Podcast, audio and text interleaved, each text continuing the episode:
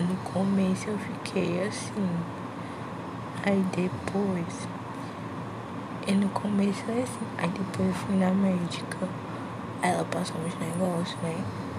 Aí eu não tava tão animada, né?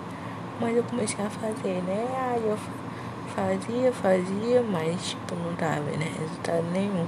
Até que eu resolvi cortar uma bendita coisa chamada arroz. Aí depois eu consegui o que eu queria.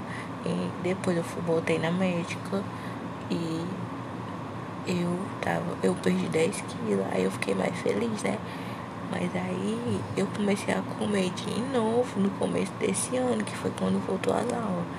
Eu comecei a comer de